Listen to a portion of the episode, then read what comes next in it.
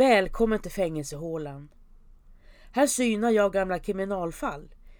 Eller very cold cases. Och även om jag dramatiserar en aning försöker jag hålla mig så nära sanningen som möjligt. Brotten som jag tar upp är både kända som okända och spänner över det mesta. Från fylleri till mord. Dagens avsnitt handlar om mordet på baron Ludvig von Salsa på Åsaka torp.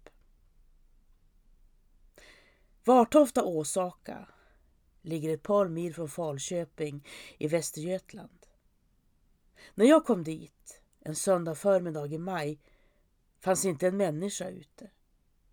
Jag letade efter ett minnesmärke och efter några turer längs de leriga vägarna fick jag syn på det.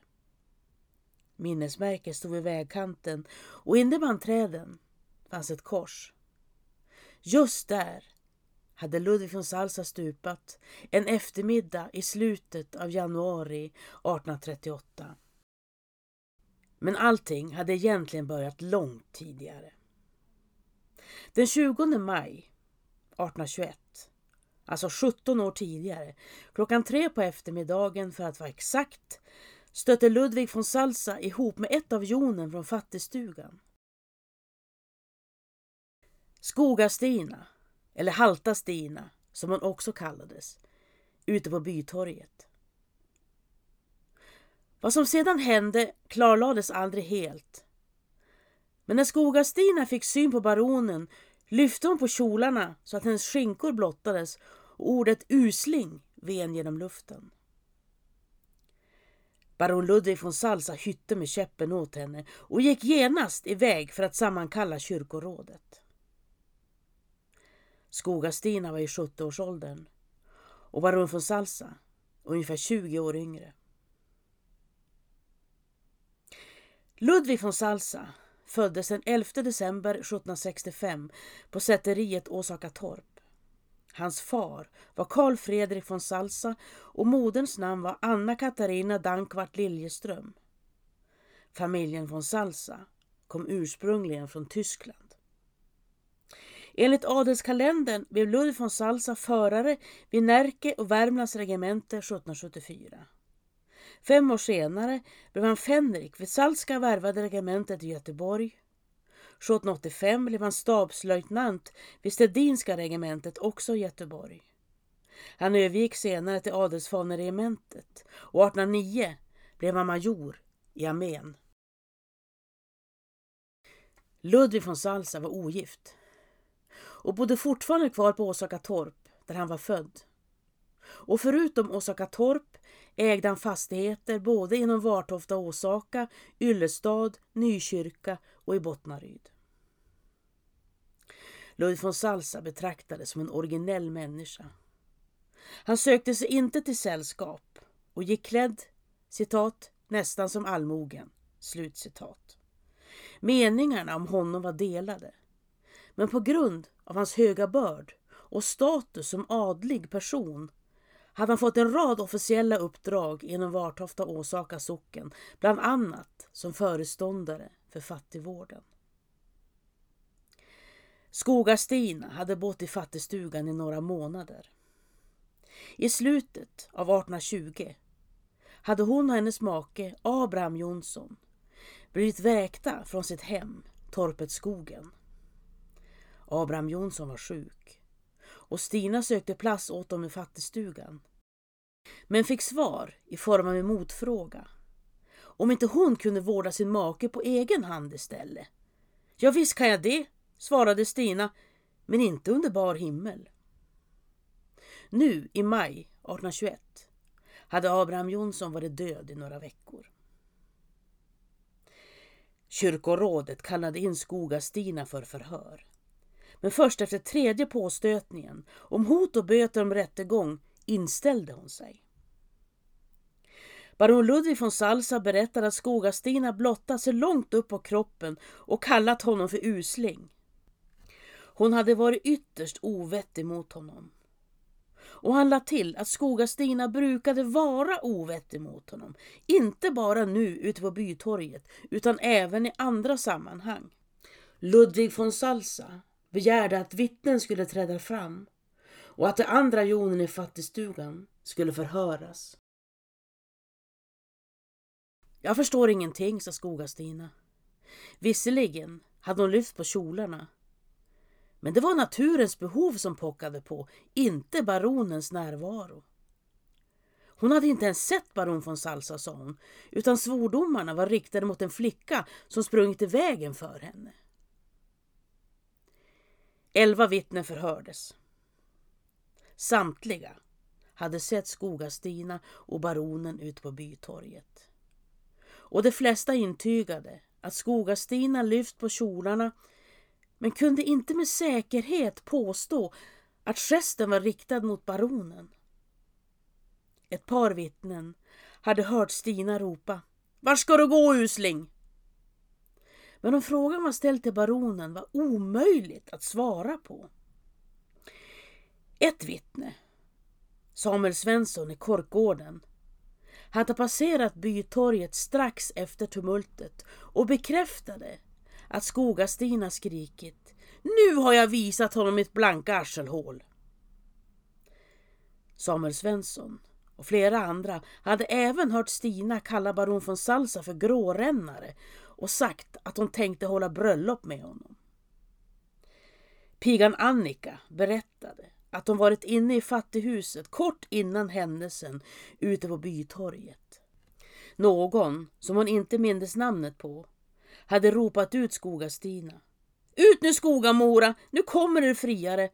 Och Stina rusade genast ut. Flera vittnen svävade på orden. Och det blev varken bevisat eller avfärdat ifall Skogastina försökt förolämpa baronen ut på bytorget eller inte. Incidenten kunde lika gärna vara påföljden av naturens behov, även om platsen var illa vald. Målet avslutades och Stina uppmanades att lämna baronen i fred i fortsättningen. Men Skogastina avskydde baron Ludvig von Salsa och hade ett horn i sidan på hela fattigvårdsstyrelsen. Under den årliga sockenstämman i maj 1826, fem år senare, trängde sig Stina fram till sockenbordet och sa med hög och ondskefull röst att Ludvig von Salsa var ovärdig ordförandeposten i fattigvårdsstyrelsen eftersom han var inblandad i ett svårt och allvarligt rättsfall. Stina motades undan men trängde sig fram igen och krävde att få veta vart pengarna från Skogastugan tagit vägen. Annars skulle hon gå till landshövdingen. Ludvig von Salsa var illa sedd. Men Skogastinas aversion mot honom rymde en djupare dimension än de flestas. 1818 hade det inträffat några stölder på Osakatorp och Ludvig von Salsa hade pekat ut två män som ansvariga. Den ene hette Johannes Toresson och den andra var Stinas son, soldaten Jakob Abrahamsson. I sex år hade baronen drivit process mot männen utan att någonting avgörande kunde bevisas och Stina hade tvingats rycka in vid flera tillfällen. Åren gick. Skogastina fick bidrag från fattigvården och baron Ludvig von Salsa aviserade flera gånger att han tänkte flytta från socknen. Men ingenting avgörande verkar ha skett på den punkten. Samtidigt hade han en hel del att besvära sig över. 1825 anmälde majoren, eller högvälborne friherren Ludvig von Salsa som han kallades, att en av hans bönder, Jean Olofsson i Lockefaln, tagit hem sin gamla mor från Yllestad utan att be om lov först. Nio år senare, i slutet av maj 1834, klagade Ludvig von Salsa över att han blivit störd i sin nattvila av ett förbidragande slödder som väckt honom med stoj, oro och oanständig sång. Det hade kastat sten mot husen och en fönsterruta hade spruckit. Om inte dessa nattliga trakasserier upphörde skulle Ludvig von Salsa se till att de skyldiga ställdes till svars. I juli samma år anmälde Ludvig von Salsa att hans tjänstefolk inte respekterade förbudet mot att övernatta i lador och i uthus. De lämnade sätteriet under söndagar och högtidsdagar och påstod att de själva ägde dessa dagar och var fullständigt oberoende sin husbondes vilja och order. I december 1835 fyllde Ludvig von Salsa 70 år och knappt tre år senare, den 29 januari 1838, omkring klockan tre på eftermiddagen, lämnade han Åsaka torp och gick bort till prästgården för att hälsa på kyrkoherden Olof Lantmansson. Det var inte ett socialt besök egentligen, även om baronen och kyrkoherden stod på god fot med varandra. Baron Ludvig von Salsa gick istället till prästgården för att be kyrkoherden om överseende med några räkenskaper som han ansvarade för. Det var en ovanligt kall dag. Och när Olof Lantmansson till slut öppnade dörren såg han uppriktigt förvånad ut. Hur kommer det sig att bror är ute i den här kylan? frågade han Ludvig von Salsa. Det är inte bra måste han väl begripa. Han äventyrar sin hälsa.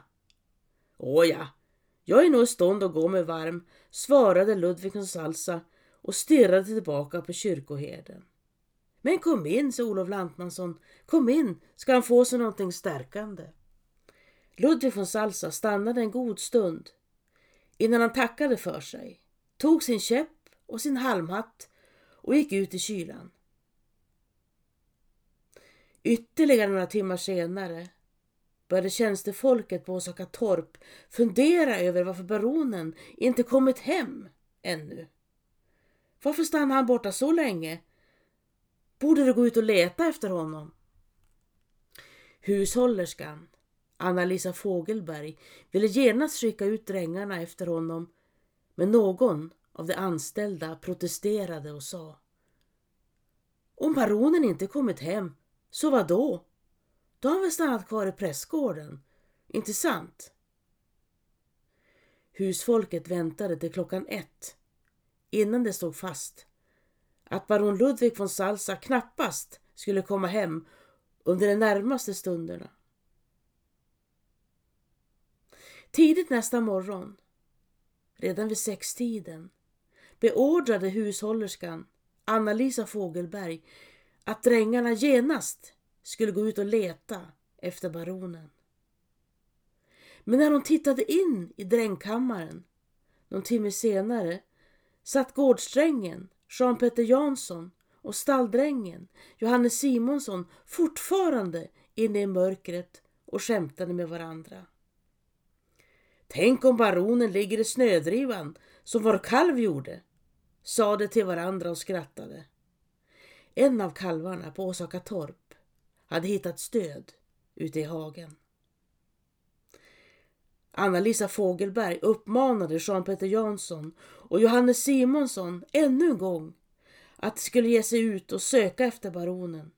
Men det gjorde sig ingen brådska, utan åt frukost först och kom inte iväg förrän efter klockan åtta. Under samma tid hade det börjat ljusna ute, men det var långt kvar till fullt dagsljus.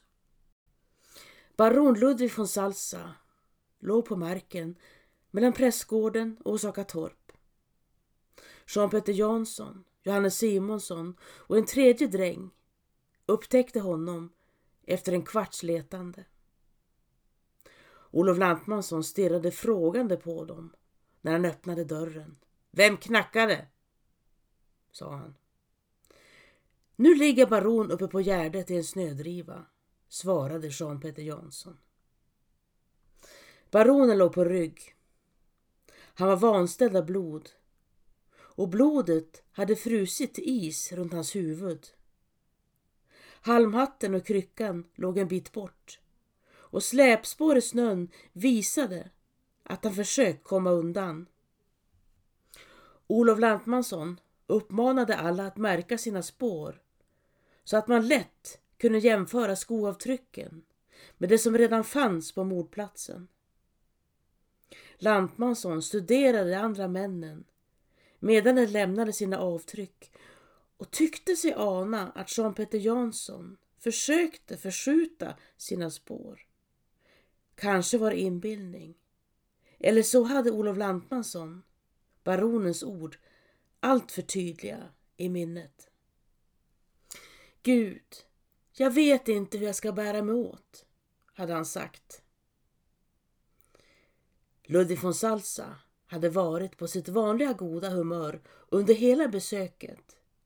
Ända det tjänstefolket på Osaka torp kom på tal. Baronen klagade bittert över hur svårt det var att hitta bra och pålitligt tjänstefolk. De som arbetade hos honom nu var så usla att det höll på att vanvårda sönder hans säteri. Tjänstehjonen struntade i sitt arbete, hade Ludvig von Salsa sagt. Och hade nästan förlorat hela fjolårets grödor just på grund av dem. Jag är mycket olycklig, hade han anförtrott Olof Lantmansson. Åsaka torp hade förfallit till den grad att skadorna var svåra att överblicka. Ta gårdsträngen till exempel, hade Ludvig von Salsa sagt. Han måste vara en skurk. När han köpte hö åt Osaka torp för tre riksdaler krävde han fyra i ersättning av Ludvig von Salsa. Baronens kropp bars tillbaka till Åsaka torp. Olof Lantmansson kallade på kapten Åstrand och kronolänsman Krok. Det var inte bara Olof Lantmansson som hört talas om ovänskapen mellan Ludvig von Salsa och hans gårdsträng, Jean-Peter Jansson. Den kände alla på Åsaka torp till. Jean-Peter Jansson hade varit borta från säteriet under stora delar av morddagen och nu uppförde han sig märkligt. Han som var glad och pratsam i vanliga fall hade blivit stel och tillknäppt och hans ögon sökte sig ofta till speglarna. Jean-Peter Jansson togs in på förhör. Han berättade att han hade varit ute i skogen och även besökt torpet Lockefan. Det är nog bäst att han visar oss.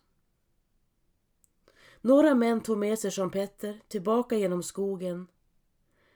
Men när fotspåren i snön jämfördes med det utanför torpet stämde det inte alls överens. Misstankarna stärktes. Nu var man tämligen övertygad om att Jean-Petter Jansson var skyldig. Allt som behövdes var ett erkännande. Jean-Peter Jansson sattes under bevakning och uppmanades att hämta två isbitar med blod från mordplatsen och bära tillbaka till Åsaka torp. Det borde få honom att mjukna tillräckligt för ett erkännande, resonerade man. Men Jean-Peter Jansson gjorde som han blev tillsagd utan att visa några känsloyttringar. När det misslyckats fick hovpredikant Anders Salvén och vicepastor Magnus Eklund uppdraget att leda Jean-Peter Jansson till en bekännelse. Det började med att föra in Jean-Peter Jansson i det rum där baron von Salsa låg lik. Hovpredikant Salvén föll ner på knä och bad Jean-Peter Jansson att repetera syndabekännelsen efter honom. En kort stund senare föll Jean-Peter Jansson till föga och erkände mordet på Ludvig von Salsa. Jean-Peter Jansson var 27 år gammal. Han var född i Daretorp 1811 och var son till en torpare och hans hustru. Jean-Peter Jansson hade en stark kroppsbyggnad, Han var medelmåttlig i storleken med brunt hår, mörkblå ögon och ett fylligt ansikte. Han hade arbetat på åtskilliga platser innan han kommit till Åsaka torp året innan. Jean-Peter Jansson hade inte haft en tanke på att döda baronen, sa han. Utan han ville bara slå honom och skrämma honom lite grann. Och i samförstånd med stalldrängen, Johannes Simonsson, 19 år, gick han ut i skymningen för att vänta in baronen. När Ludvig von Salsa till slut kom gående lät Jean-Peter Jansson honom passera. Sedan gick han till anfall. Han slog omkull honom bakifrån men tappade samtidigt balansen och ramlade över baronen. Jean-Peter Jansson reste sig upp och slog baronen i huvudet med en knippel som han hade med sig. Undersökningen av Ludvig von Salsas kropp visade upp en 72-årig man som varit vid god hälsa men som blivit utsatt för ett kraftigt övervåld. Det fanns fyra djupa sår på kroppen efter ett kantigt instrument. Bröstbenet var knäckt och elva revben brutna. Slättängs häradsrätt kallade till extra ting den 7 februari. Varför? frågade åklagaren. Jean-Peter Jansson svarade att baronen tidigare haft en hushållerska vid namn Sofie Landström anställd hos sig som nyligen lämnat Åsaka torp. Sofie Landström hade rykte om sig att vara så hård i nyporna att ingen ville ta anställning på Åsaka torp. Nu kom hon bara på besök. Men under sina besök hetsade hon Ludvig von Salsa mot tjänstefolket och underströk hur usla de var.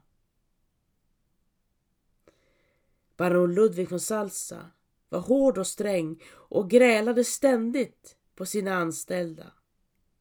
Han kallade dem för tjuvar och rackare och drängarna på säteriet diskuterade på fullt allvar hur de skulle hålla sig undan när baronen närmade sig. Ludvig von Salsa slog tjänstefolket, men inte när någon såg på. Han luggade dem och sparkade dem också och till slut rann ilskan över, åtminstone hos vissa av de anställda. Tjänstefolket på Åsaka torp avskydde sin husbonde. När hushållerskan kokat ärtor till hela gården och lagt undan en tallrik med bättre ärtor åt baronen protesterade en av drängarna. Skola den hunden ha varit bättre än vi? Till julen som nyss varit hade drängarna fått för lite brännvin ansåg drängarna själva. Och en av dem hade sagt om baronen vore död skulle brännvinstunnan få stå och då skulle vi följa honom till graven med brännvin. Hatet var ständigt närvarande. Jean-Peter Jansson och Johannes Simonsson hade till och med börjat diskutera i konkreta ordalag hur det skulle gå tillväga för att bli av med baronen. Visserligen var det på fyllan när de pratade så, men ändå. Det kunde slå honom såklart. Johannes Simonsson föreslog att det skulle dränka baronen, lägga sig i bakhåll och när baronen gick tillräckligt nära ån, puff, en liten knuff bara. En annan möjlighet vore att smyga in i baronens kammare och kväva honom med hans egen kudde. Vid ett tillfälle lovade Jean-Peter Jansson att efterskänka en fordran till Johannes Simonsson om han bara ville slå baronen lite åt honom. Det var ofta på fyllan, gårdsträngen och stalldrängen och det ryktades om att Jean-Peter Jansson lät brygga starkt åt sig ute på bygden. samma morgon som mordet, den 29 januari, hade Jean-Peter Jansson fått höra vad baronen sagt om honom. En kalv hade just dött ute på marken, där man senare skämtade om. Och när frågan kom upp vem som skulle flå kalven hade Jean-Peter Janssons namn föreslagits men då protesterade baron von Salsa bryskt. Inte den rackaren! Jean-Peter Jansson förklarade att när han blev vred på någon gick det inte över utan tvärtom kunde han vänta hur länge som helst på att få hämnd. Men nu ångrade han sig och förklarade att han aldrig skulle ha överfallit baronen om inte Johannes Simonsson äggat, hetsat och tjatat på honom. Johannes Simonsson åtalades också, men hans skuld gick inte att bevisa, så han släpptes fri. Jean-Peter Jansson dömdes till döden, att halshuggas och mista högra handen och han fördes till fängelset i Mariestad. Det blev många månader i fängelset.